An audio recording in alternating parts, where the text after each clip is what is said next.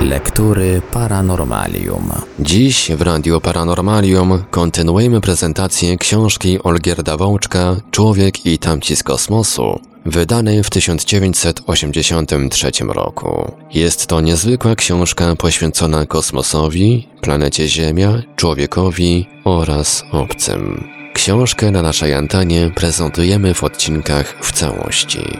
Zapraszamy do słuchania.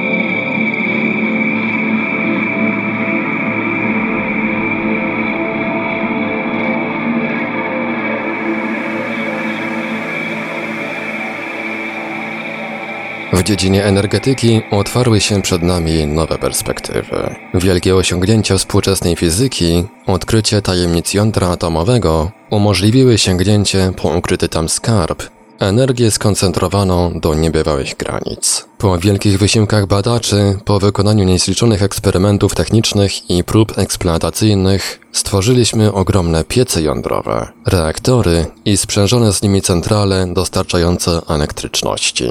Dziś wytwarzanie energii na tej drodze jest nie tylko technicznie wykonalne, ale i uzasadnione gospodarczo. Eksploatacja elektrowni jądrowych, szczególnie wygodnych i pożądanych na obszarach, gdzie brak zwykłych surowców energetycznych, a ich dowóz jest kłopotliwy, ma swoje cienie, które mogą być groźne dla człowieka i jego naturalnego środowiska. W reaktorach przetwarza się uran i uzyskiwanie z niego sztuczny pierwiastek pluton, rozszczepiając ich jądra.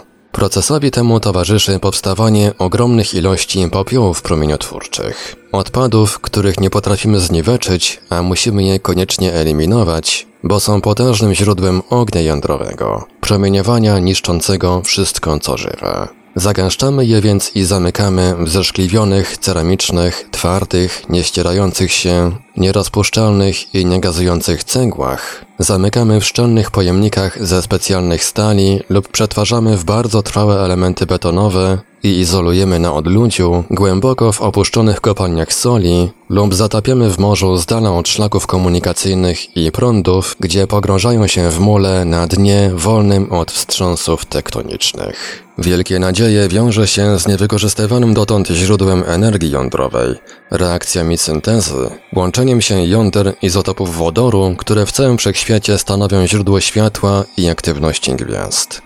Te tak zwane procesy termojądrowe, które praktycznie opanujemy zapewne jeszcze w tym stuleciu, staną się jednak również źródłem odpadów promieniotwórczych, w mniejszych wprawdzie ilościach i nie tak groźnych jak popioły uranowe i plutonowe, ale przecież także niebezpiecznych. Dlatego też wiele uwagi poświęca się obecnie innemu jeszcze naturalnemu źródłu energii promieniowaniu słonecznemu. Ono przecież jest najpierwotniejszym naszym dobroczyńcą. Wszystkie paliwa naturalne, drewno, torf, węgiel, ropa naftowa jemu zawdzięczają swe powstanie. Współczesne słoneczne odbiorniki energii w postaci baterii ogniw fotowoltaicznych czy pieców wyposażonych w specjalne zwierciadła koncentrujące promieniowanie naszej gwiazdy są mało sprawne.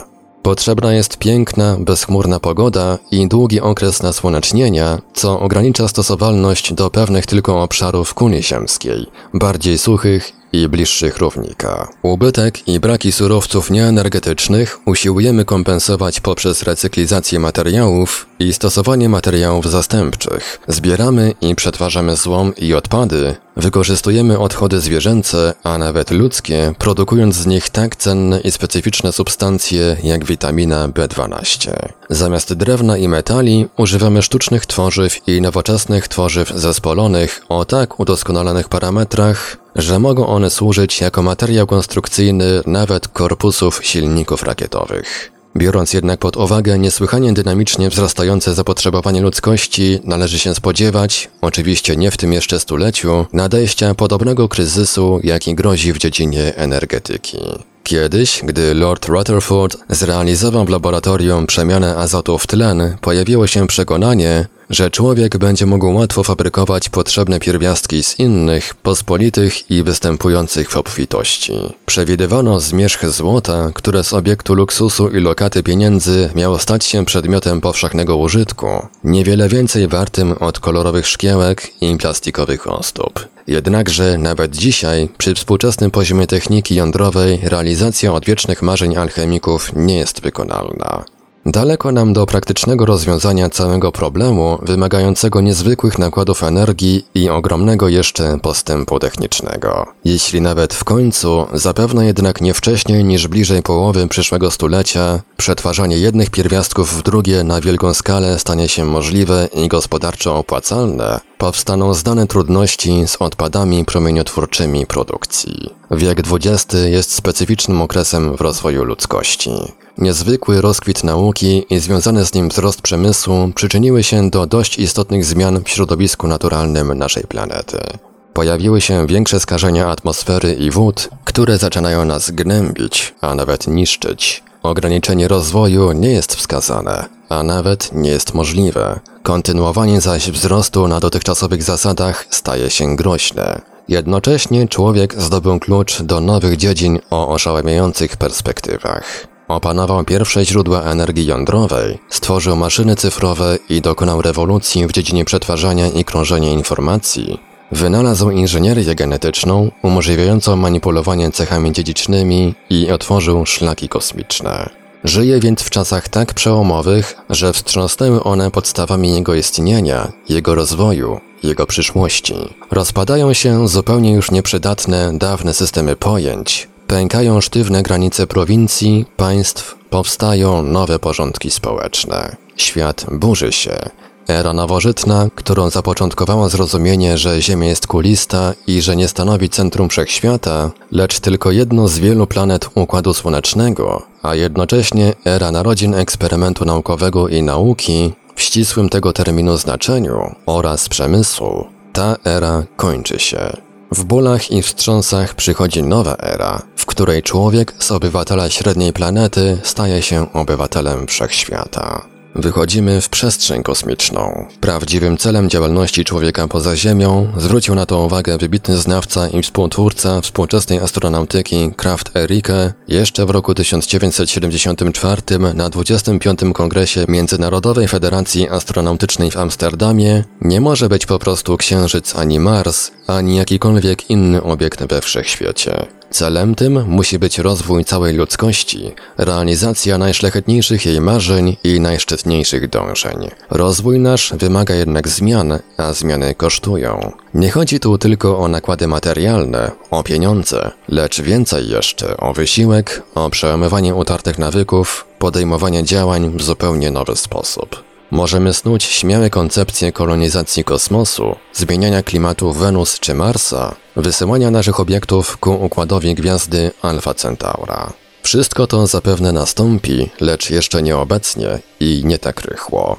Kraft Erike z ogromnym realizmem zwrócił uwagę na fakt, że ludzie i rządy osądzają to, co może przynieść nasza działalność kosmiczna, nie na podstawie tego, co nam ukazuje nieukiełznana wyobraźnia, lecz odpowiednio do stopnia, w jakim astronautyka zaspokaja ludzkie potrzeby i godzi się z rzeczywistością gospodarczą. Poparcie ze strony czynników oficjalnych i zwykłego człowieka dla działalności w kosmosie będzie proporcjonalne do umiejętności utrzymania równowagi między wielkością wydatków a korzyściami faktycznymi. Musimy znaleźć się na wysokości zadań, jakie przed nami stoją. Obecnie i przez jakiś jeszcze czas Ziemia pozostanie jedyną siedzibą ludzi żyjących w większych zespołach. Losy tej siedziby są zagrożone przez nasze potrzeby rozwoju. Jeśli nie przyczynimy się do otwarcia naszego świata dla wszystkich ludzi raczej niż dla niewielu zainteresowanych w poznaniu i opanowaniu ośrodka pozaziemskiego, nie będzie przyszłości dla lotów kosmicznych, gdyż wtedy przyszłość ta zamknie się i dla całej ludzkości. Astronautyka wykazała swoje znaczenie jako nowe źródło niezwykłych możliwości. Ponieważ technika kosmiczna ciągle jeszcze znajduje się w powijakach, jej potencjalne znaczenie jest o wiele większe od tego, jakie zostało już zademonstrowane. Narodowe i międzynarodowe problemy gospodarcze i kierunki rozwoju są ściśle powiązane ze sobą i ze środowiskiem, w którym żyjemy i działamy. Racjonalne i wszechstronne rozwiązanie tych problemów jest możliwe tylko przy spojrzeniu na nie z odpowiedniej odległości i wysokości, z kosmicznej platformy odniesienia. Specjaliści w zakresie techniki i badań kosmicznych są z natury rzeczy najpotężniejszymi i najbardziej zdolnymi do działania z przymierzeńcami w walce o czystość środowiska. Chodzi tu nie tylko o otoczenie, o przestrzeń fizyczną, lecz i o środowisko psychiczne, społeczne. Chodzi nie wyłącznie o walkę z zanieczyszczeniami chemicznymi, termicznymi, biologicznymi, o zachowanie czystości powietrza, wód i lądów. Astronautyka burzy bariery zaściankowości, uprzedzeń społecznych, wykazuje bezsens i szkodliwość życia w izolacji, które prowadzi do skażenia psychiki i rozbicia ludzkości na skłócone ze sobą chaotycznie postępujące grupki. Przestrzeń kosmiczna nie stanowi jednej z możliwych dróg rozwoju człowieka. Przez nią prowadzi jedyne wyjście z trudności gospodarczych, kłopotów ze środowiskiem, niezgodności światopoglądowych. Świat współczesny nie jest zamknięty w granicach naszej planety. Pomimo istnienia naturalnych barier, otwiera się on na przestrzeń kosmiczną, która jest nieskończona. Astronautyka umożliwiła przekroczenie tych barier i faktyczne włączenie środowiska kosmicznego w sferę działalności człowieka. Długofalowa ewolucja cywilizacji ziemskiej może skutecznie przebiegać tylko w środowisku w odpowiednim zakresie ustabilizowanym. W środowisku nie niezmiennym, ale w którym rozwój człowieka praktycznie nie ulega zakłóceniom ani wskutek eksplozji demograficznej, ani powstawania gigantycznej bazy energetycznej, ani wykładniczego rozwoju przemysłu i innych dziedzin gospodarki. Jednakże warunki stabilności może zapewnić tylko środowisko otwarte, otwarte na przestrzeń kosmiczną, ponieważ wtedy jest ono nieskończone zarówno fizycznie, jak i funkcjonalnie. Nieograniczoność fizyczną zapewnia jego składnik pozaziemski wszechświat. Nieograniczoność funkcjonalna jest zagwarantowana dzięki procesowi recyklizacji, która może być skuteczna także w środowisku fizycznie skończonym. Życie przed powstaniem cywilizacji ludzkiej na Ziemi rozwinęło składnik fizycznie nieograniczony, wykorzystując poprzez proces fotosyntezy pozaziemskie słoneczne źródło energii. Czerpanie z tego źródła zmieniło zasadniczo ziemskie środowisko, ale nie zakłócało jego rozwoju, bo nie było techniki, czynnika nienaturalnego. Przed pojawieniem się człowieka na Ziemi jako istoty zmieniającej otaczające środowisko, jedyna technologia jaka istniała była technologią organizmów żywych. Będąc substancjalnie ograniczona do środowiska własnej planety, nie miała innego wyboru w tworzeniu środowiska funkcjonalnie nieograniczonego, jak tylko przez pełną recyklizację materiałów w procesach fermentacji i przemiany materii z udziałem tlenu. Współczesny nasz system materialny nie jest w stanie naśladować z powodzeniem rozwiązania pełnej recyklizacji substancji istniejącego w okresie rozwoju życia przed pojawieniem się człowieka. Możemy oczywiście i powinniśmy udoskonalać naszą technikę recyklizacji materii, dążąc do zachowania ustabilizowanego środowiska. Jednakże biosfera, jeśli pominiemy obecność i działalność człowieka współczesnego, dokonuje recyklizacji jedynie mniej więcej 18 pierwiastków i potrzebuje do tego celu całego środowiska planetarnego. Udział w biosferze zmienia radykalnie układ stosunków. Konieczna staje się obecnie recyklizacja aż około 100 pierwiastków. Nie można jej jednak dokonywać poprzez środowisko ziemskie, nie zmieniając go całkowicie i nie niszcząc biosfery w sposób zupełny. Gdybyśmy jednak chcieli gigantycznym wysiłkiem przeprowadzać kunsztowną recyklizację na drodze tworzenia zamkniętych, sztucznych układów, chroniąc środowisko planetarne przed zakłóceniami i szkodliwymi zmianami, musielibyśmy dokonywać tego kosztem nieproporcjonalnie wielkich nakładów. Byłoby to nie tylko gospodarczo zupełnie nieopłacalne, ale praktycznie wręcz nierealne. Jedyne rozwiązanie funkcjonalne, rzeczywiście wykonalne, a jednocześnie ekonomicznie uzasadnione to recyklizacja poprzez fizycznie nieskończoną przestrzeń kosmiczną. W toku takiej recyklizacji będą się odbywały w środowisku pozaziemskim procesy przetwarzania materiałów przy wykorzystaniu niewyczerpanych źródeł energii, przede wszystkim słonecznej. Oczywiście do realizacji tych procesów konieczne jest stworzenie odpowiednich warunków, rozwinięcie przemysłu kosmicznego głównie na orbitach satelitarnych naszej planety.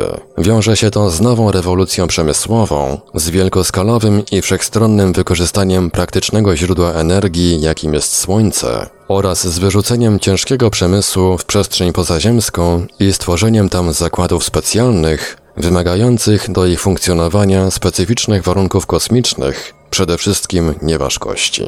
Choć w oczach przeciętnego człowieka może to wydać się równie mało jeszcze realne, jak w latach 40. czy pierwszej już połowie lat 50. przedstawiała się w ogóle możliwość wykonywania lotów kosmicznych, już dziś biegną wielu torami przygotowania do tej wielkiej naszej ekspansji w przestrzeń okołosiemską. Trzeba spenetrować środowisko, stworzyć trwałe bazy, przysposobić ludzi do długotrwałego tam pobytu i owocnej pracy. Wielcy autorzy opowiadań i powieści fantastyczno-naukowych Stanisław Lem, Ray Bradbury, Isaac Asimov, Arthur Clarke, Robert Heinlein przedstawiali romantyzm podróży kosmicznych, pionierskie wyczyny ludzi, którzy w zetknięciu z wielkością wszechświata sami stawali się bohaterami na jego miarę. Jakie piękne karty poświęcił im nasz wspaniały pisarz w obłoku Magellana. Rzeczywistość okazała się zupełnie inna przynajmniej na razie. Ogromne nakłady, które wprawdzie, zwłaszcza obecnie, zwracają się z nadwyżką, zaangażowanie wielkiej liczby urządzeń, instytucji, zakładów przemysłowych, stosowanie naukowych metod przygotowania lotów poza Ziemię, rzucanie na szale prestiżu narodowego. Wszystko to spowodowało pozbawienie astronautyki posmaku autentycznej przygody.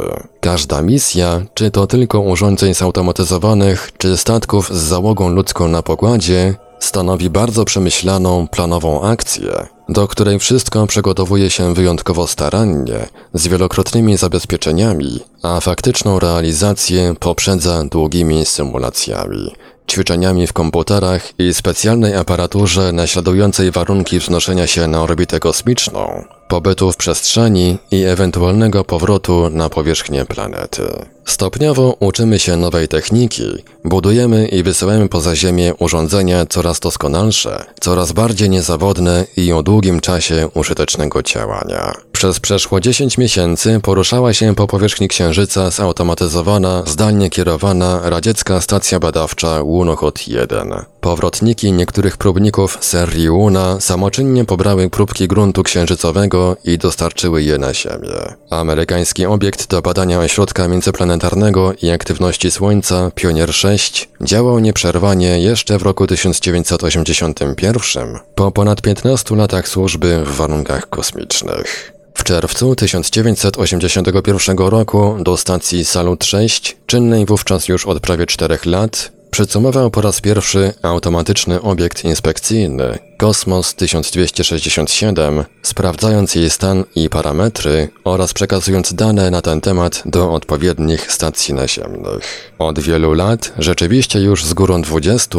przygotowujemy stopniowo ludzi do dłuższych pobytów i pracy w warunkach kosmicznych. Wbrew początkowym przypuszczeniom, a zwłaszcza pobudzającym wyobraźnię opisom, którymi darzyli nas szczodrze dawniejsi autorzy książek, nie tylko fantastycznych, ale i popularno-naukowych, warunki te nie są szczególnie łaskawe dla astronautów. Nieważkość nie przydaje człowiekowi skrzydeł, lecz zmusza do wykonywania rozważnych ruchów, działania spokojnego i oszczędnego od milionów lat, a jeśli wziąć pod uwagę jego cielesnych poprzedników, to od kilku ich miliardów, wzrastał on w ustalonym polu grawitacyjnym, które stało się naturalnym układem odniesienia w przebiegu różnych funkcji organizmu i ich regulatorem. Jeśli ciążenia zabraknie, nastąpić mogą poważne nawet zaburzenia. Szczególnie wrażliwe są w nieważkości narządy równowagi, umiejscowione w uchu środkowym. Ich podrażnienie przez szybsze czy mniej skoordynowane ruchy objawia się zawrotami głowy, żołądek zaczyna wznosić się do gardła. Niejeden astronauta zebrał w tym zakresie nader niemiłe doświadczenia, a nawet bywał zmuszony, działo się to w czasie wcześniejszych misji, do przedwczesnego powrotu na zbawczą powierzchnię rodzimej planety. Są i inne kłopoty. W nieważkości nie są człowiekowi potrzebne ani tak silne mięśnie, ani cały aparat podporowy ciała w postaci mocnego szkieletu. Organizm samoczynnie to wyczuwa i zaczyna w dobrej wierze pozbywać się materiałów budulcowych, wapnia, fosforu, azotu. Kości cienieją, Mięśnie bardzo powoli, ale stopniowo zanikają. W czasie dotychczasowych lotów zjawiska te nie przybierały na szczęście jakichś bardzo niepokojących rozmiarów. Przeciwdziałano im stosując sztuczne obciążenie organizmów, przede wszystkim w postaci odpowiedniej, dość intensywnej gimnastyki. Pedałowania na cykloergometrze, czymś w rodzaju jeżdżącego w miejscu roweru, poruszania się po bieżni ruchomej, do której dociskają człowieka elastyczne szelki i wykonywania ćwiczeń przy użyciu ekspanderów. Niemniej jednak wszystkie te zabiegi nie usuwały w pełni ujemnych skutków nieważkości w czasie trwania lotu kosmicznego, choć umożliwiały szybki powrót do warunków ziemskich bez jakiegoś wstrząsu, po czym ponowne, pełne przystosowanie do nich następowało po stosunkowo niedługim czasie. Innym niepożądanym skutkiem występowania nieważkości jest zaleganie krwi w górnej części ciała. Przy braku ciążenia nie gromadzi się ona jak normalnie na powierzchni ziemi w jamie brzusznej i nogach, lecz przesuwa się do głowy i klatki piersiowej. Astronauci uskarżają się zatem na wrażenia nadmiernego wypełnienia czaszki, które im przeszkadza i wywołuje dodatkowe zakłócenia. Aby temu przeciwdziałać, zakładają od czasu do czasu specjalne spodnie próżnioszczelne, zaciśnięte w pasie i zmniejszają ciśnienie wokół dolnej połowy ciała. Wywołuje to lokalne przekrwienie, odciągając nadmiar płynu z głowy i klatki piersiowej. Jest to jednak tylko półśrodek, gdyż owych spodni nie można używać długo, a jedynie przez ograniczone okresy. Są też kłopoty innego typu, znane i z powierzchni Ziemi, z którymi jednak zaczęliśmy się stykać stosunkowo niedawno, kiedy człowiek zaczął szybko podróżować i przerzucać się w krótkim czasie z jednego kontynentu na drugi. Chodzi o tak zwane rytmy biologiczne, zwłaszcza okołodobowe, a więc w okresie zbliżonym długością do doby. Organizmy nasze w toku ewolucji własnej i poprzedzających je kategorii taksonomicznych przyzwyczaiły się do tej miary czasu i uregulowały swój chód zgodnie z nią. Wielu parametrami i funkcjami naszych ciał rządzi naprzemienny cykl trwania światła i ciemności, dnia i nocy. Zgodnie z nim waha się temperatura wewnętrzna, ciśnienie krwi, wydzielanie hormonów i stężenie wielu innych ważnych biologicznie substancji we krwi. Następuje raz po raz okres czuwania i snu. Zakłócenie rytmów okołodobowych prowadzi do zaburzeń, które mogą się okazać nawet groźne w skutkach. W przestrzeni kosmicznej doba staje się pojęciem bardzo względnym. Na bliskich orbitach okołoziemskich, po których krążą obiekty załogowe, dzień i noc trwają łącznie tylko około półtorej godziny.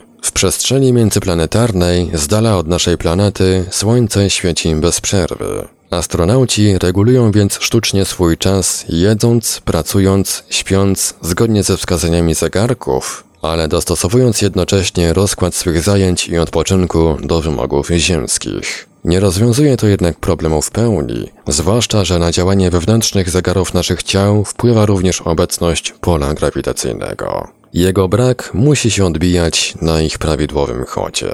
Poważne zagadnienie stanowi nieunikniona ciasnota pomieszczeń, zamknięcie w ograniczonej przestrzeni, niemożność wyjścia stamtąd, choćby przejściowego powrotu do normalnych warunków, Odcięcie od dobrze znanego świata ziemskiego, od swoich bliskich, nieunikniona monotonia zajęć. Wiąże się to z brakiem bodźców dochodzących zwykle do człowieka przebywającego na powierzchni Ziemi, z głodem informacyjnym, ale nie tylko. W obcym pomimo wszystko środowisku pojawia się uczucie niepewności i pewnej bezradności.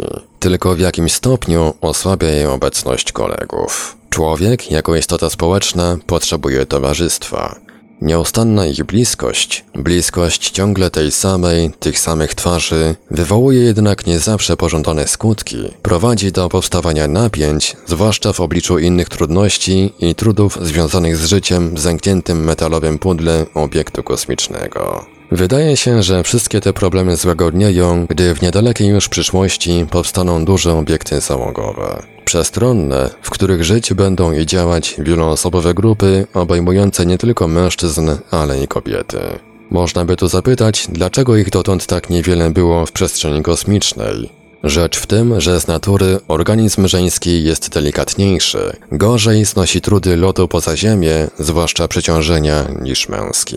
Jest to w pełni zrozumiałe, tym bardziej jeśli jednocześnie uświadomimy sobie, że kobiety z reguły nie są żołnierzami frontowymi, górnikami ani marynarzami. Poza tym jest to nader ważne. Mają one szczególne wymagania i potrzeby w zakresie higieny, a te będzie można zaspokoić w dostatecznym stopniu tylko w unowocześnionych i większych obiektach, co najmniej takich jak wchodzące obecnie do eksploatacji wahadłowca. Pozostaje jeszcze zasadnicza sprawa wychodzenia na zewnątrz statków załogowych i stacji w otwartą przestrzeń, poruszania się tam i wykonywania prac. To wcale nie takie proste założyć skafander, wydostać się przez śluzę w ośrodek kosmiczny i działać tam nic nie ważąc. Oczywiście, mając taką samą prędkość jak obiekt obiegający Ziemię po orbicie satelitarnej, nie można runąć na naszą planetę. Pozostaje się zawieszonym w przestrzeni, a raczej w sąsiedztwie tego obiektu okrąża się glob, znajdujący się daleko pod stopami na podobieństwo miniaturowego księżyca. Każdy, kto jednak widział historyczne dziś pierwsze wyjście Aleksieja Leonowa ze statku Woschod 2,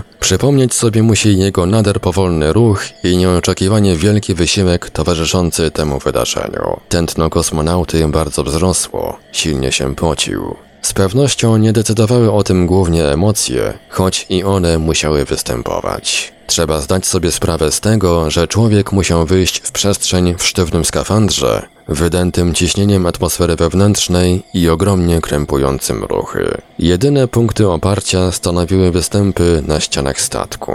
Po skałach można się wspinać, w wodzie pływać, w pustej przestrzeni jest się bezradnym, chyba że się ma indywidualne urządzenie napędowe. Poza tym Leonow musiał jeszcze uważać, by nie zacisnąć lub nie splątać węża dostarczającego powietrze do oddychania, węża, którym był połączony z wnętrzem Woschoda 2. Od czasów tego pierwszego wyjścia w otwartą przestrzeń dokonano znacznego postępu. Wielu astronautów opuszczało swoje obiekty nawet na okresy godzin i realizowało także bardzo skomplikowane prace. Obecnie ekipy, które korzystać będą z wahadłowców i wykonywać złożone programy badawcze i technologiczne, dysponują udoskonalonymi skafandrami, umożliwiającymi dość swobodne wykonywanie ruchów. Stworzono też prototypy urządzeń służących do indywidualnego napędu, wyposażonych w silniczki rakietowe na sprężony gaz. Aby jednak człowiek mógł działać, wykonywać prace fizyczne w przestrzeni w stanie nieważkości, musi być zakotwiczony.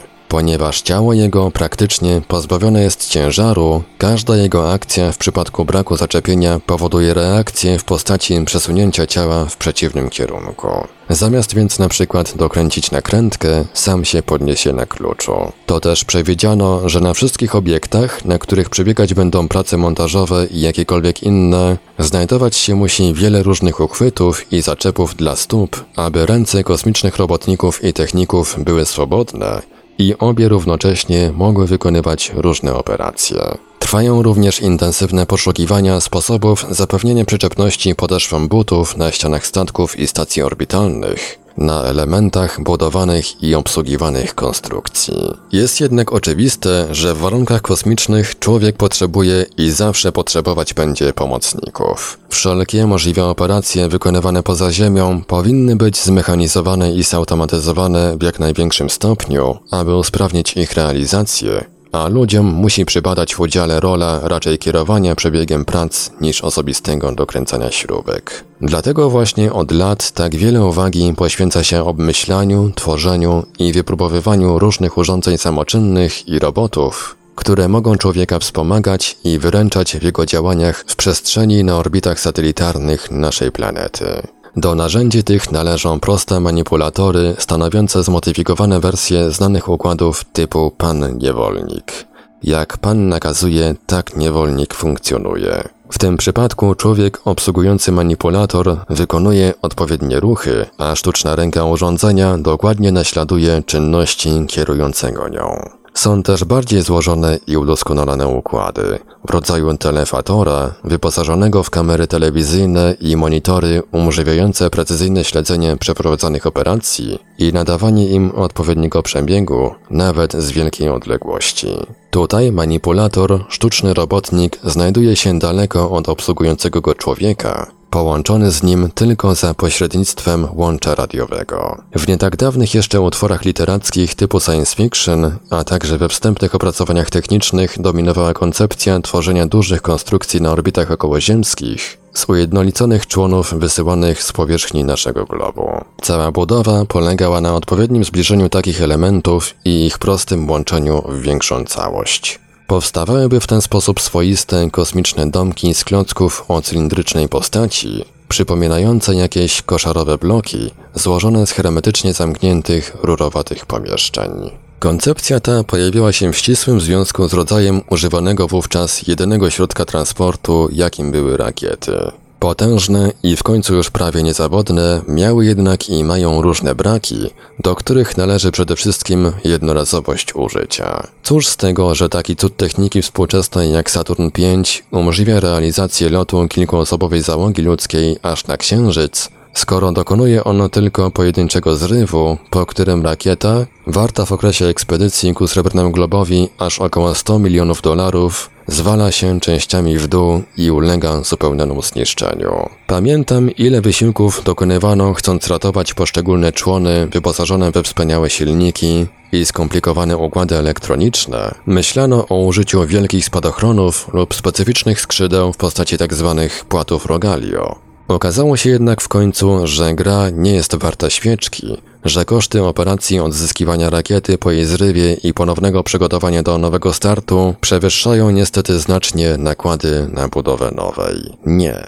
Nie na tej drodze należało szukać rozwiązania palącego problemu usprawnienia transportu kosmicznego. Zamiast rakiet trzeba było stworzyć odpowiedniki współczesnych samolotów dalekiego zasięgu o bardzo znacznym udźwigu. Te nowe układy nośne musiałyby nadawać się do wielokrotnego wykorzystania, startować raczej z dużych lotnisk i na takie lotniska powracać. Odżyły więc koncepcje wielkich samolotów rakietowych zdolnych do okrążenia globu ziemskiego i powracających na jego powierzchnię lotem zbliżonym do ślizgowego, poczęta jeszcze w roku 1944 przez Eugena Sengera i jego przyszłą żonę, matematyczkę Irene Brandt. Pomysły te, które kilkakrotnie podejmowano i ze względu na poważne problemy techniczne odkładano znów i spychano w zapomnienie, odżyły w pełni u schyłku okresu pierwszych wypraw księżycowych człowieka. Był to czas wielkich kontrowersji, odchodzenia tych, którzy stworzyli współczesną astronautykę, takich jak Werner von Braun w Stanach Zjednoczonych,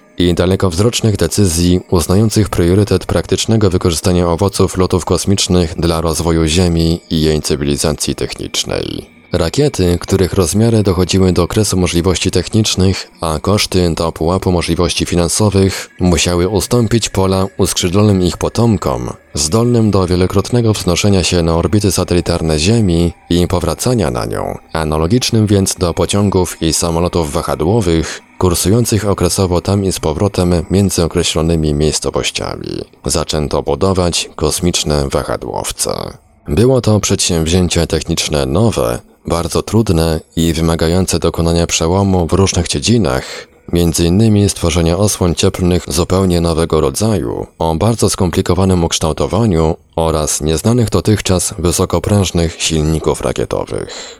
Jednocześnie od początku lat 70. przebiegała próbna eksploatacja pierwszych stacji orbitalnych, jeszcze niedoskonałych, o kształtach narzuconych przez możliwości transportu rakietowego. Te stacje, zawodne w różnych swych elementach, takich jak urządzenia stabilizujące, ich usytuowanie w przestrzeni czy aparatura klimatyzacyjna, wymagały okresowych napraw, wymiany niedziałającego już wyposażenia, dowozu tlenu, wody czy materiałów pędnych, nieodzownych do poprawienia orbity obiektów stopniowo zbliżających się ku Ziemi wskutek odczuwalnego oporu jej atmosfery. A przecież właśnie owe stacje odegrały nadzwyczaj ważną rolę w przygotowaniu ludzi do długotrwałej działalności w warunkach kosmicznych, w opracowaniu metod zagospodarowania przestrzeni w pobliżu naszej planety. Szczególnie doniosłe znaczenie miała kilkuletnia eksploatacja Saluta 6, do którego przycumowało rzecz niespotykana 30 statków trzech różnych typów, przywożąc łącznie 16 załóg, lecz aż 27 kosmonautów, przy czym sześciu z nich dwukrotnie. Doświadczenia amerykańskie są skromniejsze. W Stanach Zjednoczonych zrealizowano, i to stosunkowo dawno temu, bo w roku 1973, jedną jedyną stację orbitalną Skylab, przygotowując na prędce sprzęt i urządzenia powstałe w toku realizacji lotów załogowych na Księżyc. Stacja była przestronna. Kubatura jej wynosiła ponad 350 metrów sześciennych, w miarę wygodna. Wykorzystana też została dość wszechstronnie, służąc przede wszystkim do wykonywania kompleksowych obserwacji astronomicznych głównie Słońca i do badań powierzchni Ziemi, których wynikiem były wspaniałe jej zdjęcia, nie tylko do dziś budzące podziw bogactwem barw i szczegółów, ale i stanowiące źródło wielu nieoczekiwanych odkryć o doniosłym znaczeniu i naukowym, i gospodarczym. W Skylabie zetknięto się też po raz pierwszy z problemami związanymi z długotrwałym pobytem człowieka w warunkach kosmicznych. Z ujemnym oddziaływaniem nieważkości, z czynnikami psychicznymi i socjalnymi dotyczącymi współżycia ze sobą członków załogi w niecodziennym i trudnym środowisku. Wykonano również całą serię eksperymentów technologicznych, które stanowią wstępny etap rozwoju przyszłych zakładów orbitalnych, produkujących specjalne elementy elektroniczne, optyczne i mechaniczne. Doświadczenia ze stacjami kosmicznymi pierwszej generacji wykazały, że trzeba się jeszcze wiele nauczyć, zanim powstaną obiekty nadające się do wygodnej i bardzo sprawnej eksploatacji, na wzór tych wszystkich, o których tak pięknie i przekonująco piszą autorzy różnych opowiadań i powieści fantastyczno-naukowych. Dlatego właśnie postanowiono przeprowadzić wiele jeszcze doświadczeń i badań, wykorzystując do tego celu właśnie wahadłowce. Pierwsze amerykańskie statki tego typu zawierają wielki luk, w którym można umieszczać ładunki użyteczne o długości około 18 metrów, o średnicy około 4,5 metra i masie do 30 tysięcy kilogramów. W luku tym wynosić się będzie na orbity okołoziemskie m.in. laboratoria o zmiennej konfiguracji, złożone z członów hermetycznych i platform służące do wykonywania obserwacji i eksperymentów w wielu dziedzinach, m.in. z zakresu dostosowania człowieka do warunków kosmicznych i wykonywania prac w otwartej przestrzeni. Chodzi tu na przykład o przygotowanie się do tworzenia większych konstrukcji o przeznaczeniu naukowym i technicznym, takich jak duże zespoły antenowe, generatory elektryczności wyposażone w wielkie układy baterii słonecznych, platformy teledetekcyjne. Ponieważ, jak już wiemy, praca człowieka w warunkach kosmicznych wymaga wsparcia go przez odpowiednie urządzenia techniczne i daleko posuniętą automatyzację, skonstruowano i wypróbowano nawet na powierzchni Ziemi prototypowe maszyny wytwarzające elementy kratownic o uniwersalnych zastosowaniach. Ażurowe belki, z których można budować w przestrzeni. Maszyny te mają być wypróbowane w polu, właśnie po wyniesieniu na orbity satelitarne naszej planety.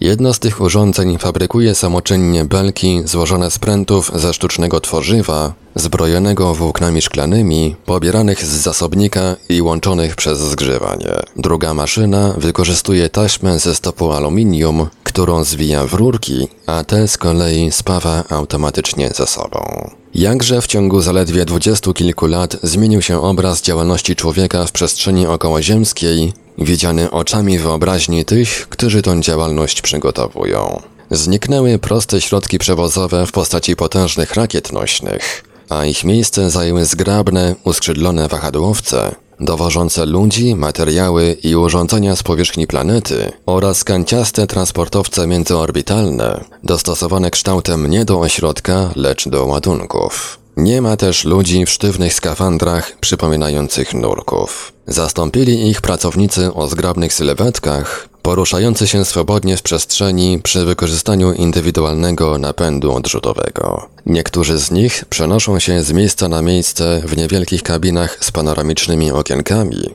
wyposażonych w zestawy różnych uchwytów i manipulatorów.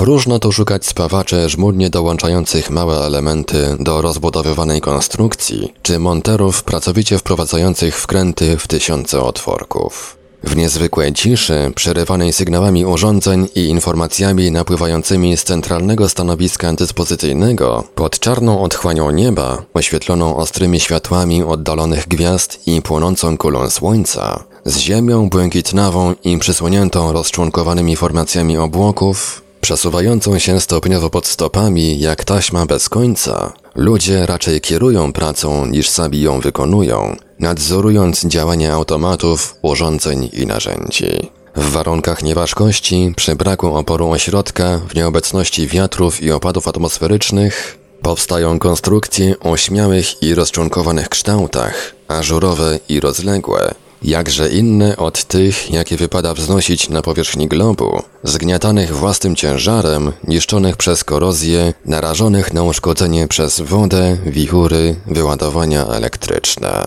Jest jakiś paradoks w całym tym istnieniu i rozwoju drugiej ziemskiej rzeczywistości, na bliskich i dalszych orbitach satelitarnych naszej planety. Pomimo ruchu z szalonymi prędkościami, wynoszącymi dziesiątki tysięcy kilometrów na godzinę, o bieganiu globu w czasie półtorej czy co najwyżej niewielu godzin, czas ulega tu nienaturalnemu spowolnieniu. Ludzie zawieszeni w pustce kosmicznej między niezwykle odległymi ciałami niebieskimi, widzianymi stąd, jeśli pominąć pochodnie Słońca i cyklicznie to rozświetlającą się, to przygasającą lampę Księżyca, tylko w postaci jasnych punktów, znajdują się niby poza normalnym strumieniem starzeń.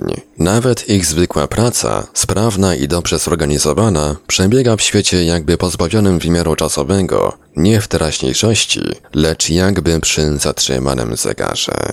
Wykorzystanie wahadłowców i wywodzących się z nich udoskonalonych środków transportu, wyposażonych w specjalne układy niwelujące oddziaływanie przeciążeń, przybliży przestrzeń okołoziemską przeciętnemu człowiekowi, zwłaszcza jeśli nieodzowne zwiększenie częstotliwości lotów załogowych przyczyni się również do bardzo znacznego ich potanienia. Dodatkowym atutem, decydującym o możliwości pobytu w warunkach kosmicznych, nieobciążonego ujemnymi skutkami nieważkości, będzie wprowadzenie sztucznej grawitacji w przyszłych stacjach i bazach orbitalnych. Rolę ciążenia pełnić w nich będzie siła odśrodkowa, wytworzona przez ruch obrotowy odpowiednio dużych obiektów. Pomysł to nie nowy. Pierwszy wpadł na niego nasz współrodak, ojca miał przecież Polaka, Konstanty Ciołkowski, jeszcze w roku 1903. Ideę tę rozwijali niejednokrotnie niezależnie od niego jego następcy, przede wszystkim Hermann Obert oraz Potocznik, ukrywający się pod pseudonimem Hermann Nordung. Ten ostatni zaproponował zbudowanie stacji orbitalnej w postaci obracającego się pierścienia, przeznaczonego dla ludzi, w którym wskutek ruchu obrotowego panowałoby sztuczne ciążenie. Pomysł potocznika Nordunga spopularyzował w Stanach Zjednoczonych po ostatniej wojnie nieżyjący już dziś Werner von Braun, nawiasem mówiąc urodzony na ziemi polskiej, bo w Wyżysku niedaleko Nakła. Ponieważ budowa wielkich, pierścieniowych obiektów stanowi jednak z pewnością trudniejsze zadanie niż konstruowanie tworów walcowych, inni zaczęli proponować realizację ogromnych cylindrów obracających się wokół osi. Należał do takich Darrell Romick, którego wywodów ilustrowanych doskonałymi, śmiałymi rysunkami słuchałem, przyznaję, z pewnymi zastrzeżeniami, a nawet oporami, na międzynarodowych kongresach astronautycznych w drugiej połowie lat 50., kiedy na bliskich orbitach okołoziemskich znalazły się dopiero pierwsze obiekty stworzone przez człowieka. Romik odznaczał się rozmachem. Jego stacje kosmiczne w kształcie walców miały mieć długość kilometra i średnicę 300 metrów. Ludzie, 20 tysięcy mieszkańców, mieli jednak przebywać nie w nich samych, a w obracających się tarczowatych, połączonych z nimi segmentach. W owym czasie, nawet w oczach entuzjastów, znających jednak złożoność problemów technicznych oraz ekonomicznych i poważnie interesujących się astronautyką, sprawa nie wydawała się godna zaufania. Pomysły jakichś rozbudowanych osiedli orbitalnych zaliczano do sfery raczej fantazji. W połowie lat 70. sprawa odżyła i co więcej, podjęto w tym zakresie zupełnie poważne prace studialne i eksperymentalne. Jedną z głównych postaci stał się tu profesor ze znanego i cenionego Uniwersytetu Princeton w stanie New Jersey, Gerald O'Neill. Ten stosunkowo młody i energiczny człowiek stworzył cały zespół, który przeprowadzał złożone obliczenia, kreślił projekty i wykonywał oceny nie tylko wykonalności technicznej, lecz również opłacalności ekonomicznej. Słowem, obok entuzjazmu, wielką rolę w tych pracach odgrywała również bardzo trzeźwa kalkulacja, przeprowadzona przez bardzo kompetentnych ludzi. Niektóre zupełnie nowatorskie pomysły weryfikowano nie tylko na modelach komputerowych, ale i konstruując miniaturowe prototypy laboratoryjne. Do prowadzonych studiów włączyli się też specjaliści z różnych ośrodków amerykańskich, m.in. z Uniwersytetu Stanforda, słynnej uczelni, w której, gdy ją odwiedzałem przed kilku laty, pracowało m.in. 12 laureatów Nagrody Nobla oraz uczeni z Wielkiego Centrum NASA, ośrodka badawczego Aimsa.